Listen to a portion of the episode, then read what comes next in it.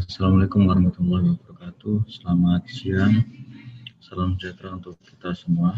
Jadi uh, pada siang ini saya kebagian uh, materi soal upgrade peringkat akreditasi jurnal itu.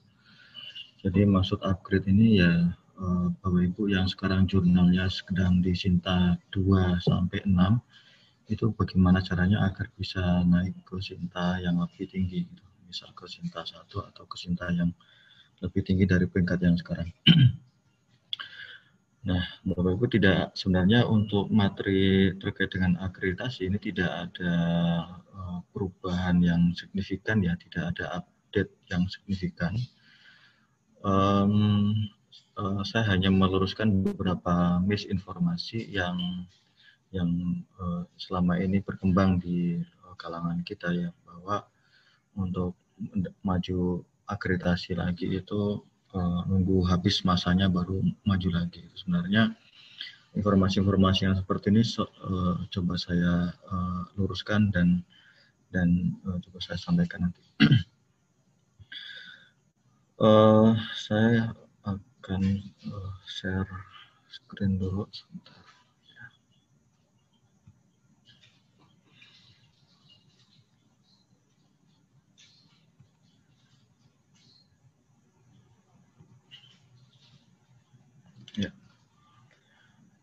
Uh, saya ingin mengingatkan lagi bahwa um, apa namanya syarat jurnal ilmiah itu ini ya, dan ini sudah diatur oleh uh, apa namanya pemerintah bahwa jurnal ilmiah yang ada di Indonesia itu diatur oleh Permenristek Dikti pada waktu itu ya, uh, yang sekarang sudah uh, pisah.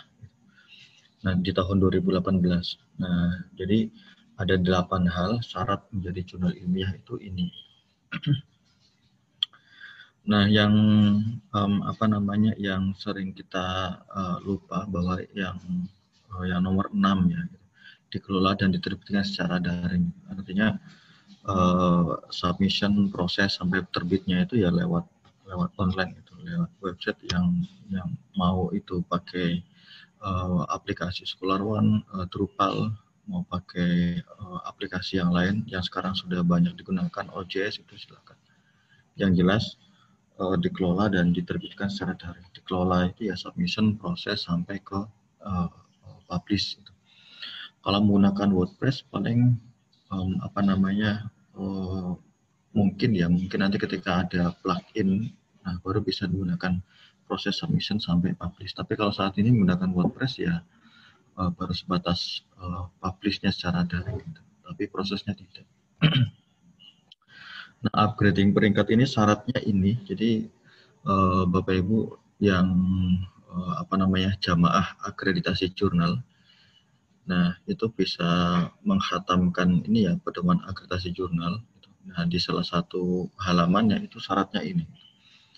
Jadi untuk untuk apa namanya untuk meningkatkan peringkat akreditasi atau reakreditasi uh, mau naik peringkat atau nanti bahkan ketika di akses itu peringkatnya apa namanya tetap itu syaratnya ini. Jadi uh, tidak harus menunggu selesai dulu uh, apa namanya misal peringkat akreditasi jurnal ini sampai 2023 nah tidak harus nunggu itu dulu nunggu selesai sampai 2023 tapi Bapak Ibu bisa langsung uh, maju reakreditasi untuk naik peringkat. Nah, itu setelah satu nomor terbit. Nah, jadi misal kalau saya eh, simulasikan di sini uh, pengumuman akreditasi Desember 2019, sudah Bapak Ibu terakreditasi, nah terus tidak puas dengan peringkat yang ada saat ini, maka bisa maju ketika uh, sudah terbit satu nomor. Nah, simulasinya seperti ini. jurnal uh, Bapak Ibu terbit dua kali ya dalam setahun di bulan Januari dan bulan Juni. Kebetulan Desember yang lalu itu ada pengumuman akreditasi dan terakreditasi. Nah, Bapak Ibu tinggal menerbitkan terbitan yang bulan Januari ini. Setelah itu bulan Februari itu Bapak Ibu bisa langsung um, apa namanya uh, um, maju reakreditasi untuk dapat peringkat uh, yang lebih tinggi seperti itu. Nah, yang diajukan ya yang diajukan adalah edisi terakhir ya tidak dua tahun, tapi edisi terakhir. Edisi kalau simulasi ini maka edisi yang uh, Januari 2020 seperti itu. Nah, tata caranya uh, ini uh, Bapak Ibu bisa langsung ke arjuna.ristekpri.go.id. Nah, ini tadi saya sampaikan bahwa yang diajukan dan dinilai itu hanya satu isu, satu terbitan, tidak dua terbitan berurutan. Ini saya agak cepat ya, karena untuk materi akreditasi saya kira tidak uh, terlalu sulit ya, dan perkembangannya pun tidak terlalu banyak. Gitu. Dan dan waktu saya pun hanya 20 menit ya sampai uh, 11.45. Nah, ini ya, jadi Bapak Ibu bisa langsung masuk ke Arjuna saat ini belum dibuka ya eh, karena pengumuman akreditasi untuk periode 3 2020 itu belum diumumkan. Jadi penerimaan akreditasi belum dibuka. Sekaligus dengan asesor akreditasi itu kan habis masa baktinya ya, habis masa masa jabatannya itu di Desember 2020 sehingga uh, apa namanya asesornya itu saat ini dalam status uh, kosong ya maka uh, kemarin ada informasi edaran dari uh, dari Ristek bahwa ada rekrutmen asesor. Ya, silakan Bapak Ibu yang berkualifikasi untuk ikut, silakan daftar. Nah, untuk syarat akreditasi yang saya sampaikan tadi tidak ada perubahan yang signifikan ya, uh, dan syarat-syarat syarat-syaratnya hanya tujuh ya. Tujuh itu syarat yang kedelapan itu jurnal memiliki profil Google Scholar itu adalah syarat tambahan ya. Kalau di pedoman itu syaratnya itu ada 11 kalau tidak salah. Tapi syarat yang 11 itu uh, dua, dua poin itu uh, syarat bagi jurnal yang hendak reakreditasi. Nah, kalau dilihat dari syarat ini ya, um, sepertinya uh, yang agak sulit itu di DOI ya. Jadi jurnal uh, sekarang untuk pengurusan ISSN juga sudah agak cepat ya. Uh, saya dapat informasi dari teman-teman kemarin seminggu uh, bisa langsung dapat dan ini uh, sebuah pencapaian yang bagus ya karena beberapa waktu yang lalu memang ketika mengurus ISSN terutama di akhir-akhir tahun itu agak agak lambat karena uh, mungkin jatah untuk Indonesia sudah habis seperti itu. Nah, uh, syaratnya EISSN ya untuk pengajuan akreditasi. Jadi ISSN elektronik atau ISSN online kalau yang saat ini jurnalnya punya ISSN print dan dua itu tidak berlaku ya. Uh, yang disyaratkan adalah ISSN elektronik atau ISSN online. Terus DOI, etika publikasi. Nah, etika publikasi itu seperti yang disampaikan oleh narasumber sebelumnya, itu acuannya ada banyak. Silakan Bapak Ibu elaborasi ya, uh, dieksplor mau berbas, uh, mau acuannya COP atau mau acuannya uh, apa namanya Zen Editor atau yang lain. Nah, itu silakan Nah, itu dituliskan di website, di portal jurnal. Terus uh, yang nomor empat, jurnal ilmiah harus bersifat ilmiah. Nah, nah itu uh, ditandai dengan informasi bahwa jurnal ini menggunakan uh, review proses seperti apa. Nah, itu ditegaskan. Biasanya ini ditandai di proses, di peer review proses. Nah, silakan buka about jurnal. Di sana ada peer review proses. Jadi ada step-stepnya dari naskah masuk sampai naskah terbit. Nah, itu seperti apa? Itu harus ada juga di websitenya ya. Dan statement bahwa uh, apa namanya naskah yang terbit di jurnal itu pemikiran yang orisinil gitu. Nah, berarti nanti ada informasi uh, apa namanya screening for plagiarism. uh, syarat yang kelima masih sama ya dengan syarat-syarat uh, di tahun 2014 ya uh, dua tahun berurutan. Ini kalau maju baru ya. Terus dalam sekali terbit itu minimal uh, dua, dua nomor dan sekali terbit minimal lima artikel. Nah ini syarat untuk pengajuan akreditasi. Ya. Tadi disampaikan oleh narasumber sebelumnya, Pak Tansil menyampaikan bahwa sebenarnya naskah terbit di sebuah jurnal itu tidak ada batasannya. Mau terbit berapapun tidak ada. Tapi karena jurnal Bapak Ibu uh, mengikuti uh, apa namanya mengikuti ketentuan akreditasi maka ya minimal lima gitu. Nah kalau dalam ketentuan global nggak ada ya nggak ada ketentuan batasan minimalnya berapa. nah ini yang syarat yang nomor 8 ini agak rancu ya. Karena profil Google Scholar itu sebenarnya digunakan untuk orang gitu, untuk individu gitu. Untuk uh, scholar untuk akademia. Ya untuk individu lah gitu bukan untuk jurnal atau bukan untuk institusi gitu. Nah dampaknya apa? Ya uh, beberapa minggu yang lalu ada kampus di Jogja itu ya keteteran ya ketika kampusnya mendaftarkan ya lagi-lagi ranking ya ranking ke uh, uh, internasional karena ranking ke internasional salah satu uh, kriterianya adalah profil Google Scholar nah ya agak kerepotan karena apa? Karena jurnalnya punya profil Google Scholar semua nah akhirnya diminta semua jurnal yang punya profil Google Scholar di privat semua.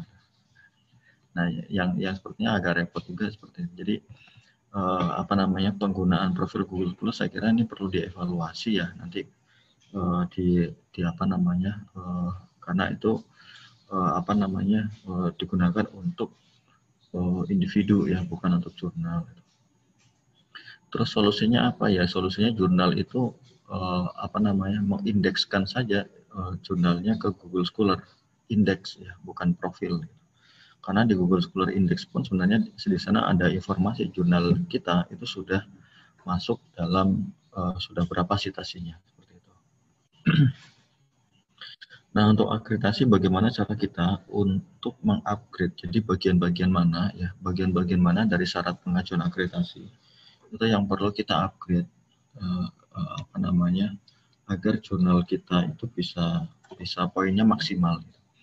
Nah, untuk akreditasi jurnal ini uh, apa namanya sebenarnya satunya substansinya, satunya manajemen ini saya salah tulis. Nah, yang bagian manajemen itu 49 poinnya, yang substansi itu 51. Nah, ini. Jadi bagian-bagian poin-poin mana saja sepertinya kita bisa uh, apa namanya maksimalkan yang saya tuliskan di sini. Nah, uh, kalau untuk pengajuan akreditasi sebenarnya di bagian ini yang yang saya tulis pasrah ya. Artinya ya nama jurnalnya seperti itu eh, kita pun tidak perlu mengubah nama jurnal hanya untuk mendapat poin maksimal tiga. Kalau semuanya sekarang nama jurnalnya terlalu umum ya tidak tidak uh, spesifik disiplin ilmu ya sudah gitu, kita pasrah. Nah pasrahnya seperti itu. Jadi tidak perlu uh, kita pengen cari poin tinggi tapi uh, harus mengganti nama jurnal. Nah itu uh, saya kira tidak tepat ya. Jadi Bapak Ibu bisa bisa apa memaksimalkan poin-poin yang lain. Gitu. Nah penamaan jurnal terus kelembagaan penerbit poinnya juga maksimal 4. Jadi kalau jurnal yang sekarang ini Bapak Ibu kelola diterbitkan oleh perguruan tinggi itu poinnya apa namanya dua kalau perguruan tinggi kerjasama dengan asosiasi ilmiah poinnya tiga. Kalau diterbitkan oleh uh, asosiasi uh, bidang keilmuan tertentu maka poinnya empat. Nah, Bapak Ibu tidak perlu mengejar satu poin hanya hanya ini apa namanya uh, hanya satu poin tapi effortnya terlalu tinggi. Gitu. Nah, jadi Bapak Ibu kalau kalau nanti jurnalnya mau direakreditasi untuk yang penamaan jurnal dengan kelembagaan ini ya udah kita pasrah dapat poin seadanya. Gitu tapi Bapak Ibu bisa memaksimalkan di bagian yang lain. Nah, contohnya ini. Di bagian penampilan, Bapak Ibu bisa rapikan, lengkapi polisi-polisi jurnalnya. Jadi, uh, penampilan website itu kan, uh, kalau tidak salah, itu berciri khas ya, ciri khas website dan covernya atau warnanya ada ciri khas tertentu. Nah, penyebar luasan silakan penyebar luasan dimaksimalkan. Ini yang juga agak rancu gitu karena akreditasi jurnal itu uh, poin tinggi ya. Poin tinggi itu penyebar luasan di di apa namanya di stat counter. Stat counter. Jadi kita poinnya bisa dapat maksimal 4 padahal stat counter itu bisa di ya lagi-lagi bisa di ini apa namanya eh, bisa di uh, uh, akali lah kalau ada orang yang mengakali. Tapi sekarang asesor memang sudah sudah uh, sudah aware dengan ini. Jadi ketika cek salah satu jurnal itu bisa dilihat source-nya. Gitu. Jadi ini di, diakses oleh uh, satu satu device, uh, satu IP atau diakses oleh uh, banyak device seperti itu. Penyuntingan dan manajemen jurnal ini terkait dengan uh, uh, editor, keterlibatan reviewer juga di sana penampilan menampilkan editor dan menampilkan reviewer serta keterlibatannya. Jadi Bapak Ibu ini juga bisa dimaksimalkan gitu. karena uh, dengan kita menampilkan editor yang bekerja, misal editornya ada 10, uh, uh, minimalnya 6 punya ID Scopus ya. Kalau di ketentuannya itu punya rekam jejak publikasi internasional uh, mau pakai ID Scopus atau mau pakai uh, conference atau jurnal internasional lainnya walaupun tidak Scopus itu bisa. Nah, itu poinnya tiga ya. Menampilkan editor yang punya rekam jejak publikasi internasional. Dan ini kan bisa dimaksimalkan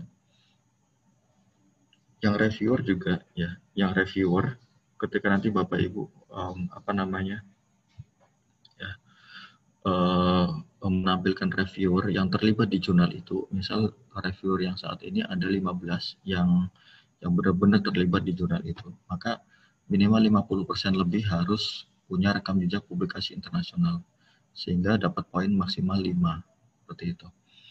Nah, yang yang hal-hal seperti ini kan sebenarnya bisa dioptimalkan ya bisa dioptimalkan agar jurnal Bapak Ibu nanti poinnya bisa naik uh, uh, apa bisa naik dan peringkatnya juga bisa naik gitu. Nah, perlu saya ulangi lagi bahwa sebenarnya yang dinilai di akreditasi itu ada dua unsur ini ya, manajemen dan substansi.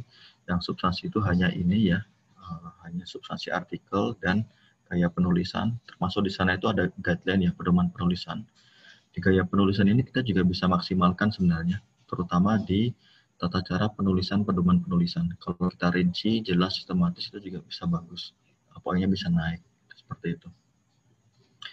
Nah, di hal-hal yang lainnya saya kira kita bisa tingkatkan di bagian ini, terus uh, penampilan, ya, dengan penyebar luasan kita bisa. Penyebar luasan itu selain stat counter, nah, kita juga bisa memaksimalkan di indeksasi. Gitu. Jadi, uh, uh, akreditasi jurnal, salah satu poin penilaiannya adalah uh, jurnalnya sudah terindeks di mana. Nah, Bapak Ibu yang saat ini jurnalnya sudah punya DOI, itu usahakan bisa masuk ke Dimension. Nah, informasi yang terbaru bahwa Dimension ini setara dengan DOAJ, indeksasi menengah. Nah, DOAJ sekarang informasinya sudah agak ketat ya. Nah, informasi juga bahwa uh, eh, RJI mulai minggu depan akan ada roadshow DOAJ, uh, mengenalkan um, apa namanya uh, form DOAJ yang terbaru serta ketentuan-ketentuannya. Nah, jadi untuk penyebar luasan selain, selain stat counter itu ada indeksasi. Jadi jurnal Bapak Ibu silahkan daftarkan indeksasi uh, uh, apa namanya ke DOAJ atau indeksasi-indeksasi lainnya yang di apa namanya di, disebut dalam pedoman akreditasi. Karena pedoman akreditasi itu ada banyak ya informasinya indeksasi-indeksasi uh, yang masuk dalam kategori menengah dapat poin 3. Kalau kategori tinggi dapat poin 5 uh, ya. Itu uh, Scopus terus Web of Science. uh, saya kira itu uh, apa namanya informasi dari saya, informasi terbaru terkait dengan akreditasi. Jadi ini hanya uh, sekilas bahwa jurnal Bapak Ibu saat ini kalau mau maju akreditasi itu silahkan daftarkan ya, daftarkan jurnalnya di Garuda dulu. Kalau sudah um, apa namanya, kalau sudah terdaftar di Garuda, nanti data yang di Garuda itu akan diambil oleh Arjuna. Tapi Bapak Ibu juga harus daftar di Arjuna. Nah saat ini belum ada SSO ya uh, dari Arjuna dan uh, dan Garuda nggak ada SSO karena di Garuda juga tidak ada login untuk uh, jurnal, nggak ada seperti itu. Jadi data di uh, Arjuna itu uh, data-data jurnal kita itu dia uh, ngambilnya dari Garuda. Kalau sudah diambil, nah di, di Arjuna inilah nanti kita uh, apa namanya uh, uh, uh, melengkapi jurnal, mendaftarkan uh, isu sekaligus melihat progres. Jadi jurnal kita itu sudah sampai di mana untuk apa namanya untuk pengajuan akreditasinya. Nah proses penilaian itulah ada di Arjuna. Jadi uh, saya ingin meluruskan bahwa tidak ada uh, apa namanya terakreditasi Sinta, tidak ada. Yang ada terakreditasi jurnal uh, nasional. Nah, Sinta itu hanya untuk menampilkan jurnal-jurnal yang terakreditasi. Nah, peringkatnya ada peringkat 1 sampai peringkat 6.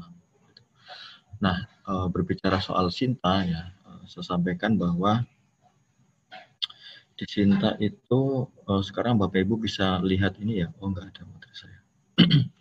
cinta itu sekarang Bapak Ibu terma, eh, cinta jurnal ya di sana itu Bapak Ibu bisa lihat jurnal-jurnal tertentu terakreditasi jadi ada track track recordnya misal jurnal JKAP gitu ya. JKAP terakreditasi kapan seperti itu. Nah itu ada di anu, di, di Sinta uh, track recordnya seperti itu. Sehingga bisa melihat oh ternyata ada jurnal yang terakreditasi sudah lama sampai sekarang belum belum reakreditasi itu juga ada kelihatan seperti itu. ini yang tadi saya sampaikan, jadi ini bisa dimaksimalkan Bapak Ibu. Jadi reviewer-reviewer yang ada di jurnal kita itu usahakan nanti uh, apa namanya uh, uh, menulis ya, uh, mereview atau mentelaah ya, karena nanti akan dicek buktinya, bukti telaahnya. Kalau uh, bukti reviewnya itu baik, maka dapat poinnya dua. Nah, itu reviewer ya. Kalau editor tidak. Editor tidak dilihat bukti bukti uh, cek editornya tidak ada. Yang dilihat adalah editor pernah menulis. Nah, di jurnal internasional ilmiah dapat poin tiga. Gitu. Seperti itu. Terus kalaupun ya terpaksa jurnal kita itu masih masih cetak terus baru di online kan maka uh, Bapak Ibu nggak perlu khawatir ya, karena di sana hanya ada satu pertanyaan ya, hanya satu pertanyaan yang yang um, apa namanya yang menyatakan bahwa jurnal kita itu dikelola secara daring atau kombinasi gitu. Tapi ini juga pertanyaan-pertanyaan uh, yang lain juga saling berkaitan sih sebenarnya gitu. Jadi kalau semuanya uh, saat ini tidak ya tidak uh, dikelola secara daring menggunakan OJS maka tetap bisa maju akreditasi, cuman nanti dapat poin di sini dapat poin dua, terus di sini kita tidak dapat poin karena nggak tahu ya reviewer itu ngoreksi seperti apa. Nah, seperti itu. Dan di uh, bagian substansi lainnya, seperti itu. Jadi itu yang dapat saya sampaikan uh, sekilas informasi terkait dengan akreditasi jurnal. Nah, nanti materi-materi ini akan kita kumpulkan dalam satu web di Zenodo. Saya kira demikian dari saya. Uh, waktu saya terbatas uh, sampai 11.45. Saya kira Assalamualaikum warahmatullahi wabarakatuh. Saya kembalikan ke moderator.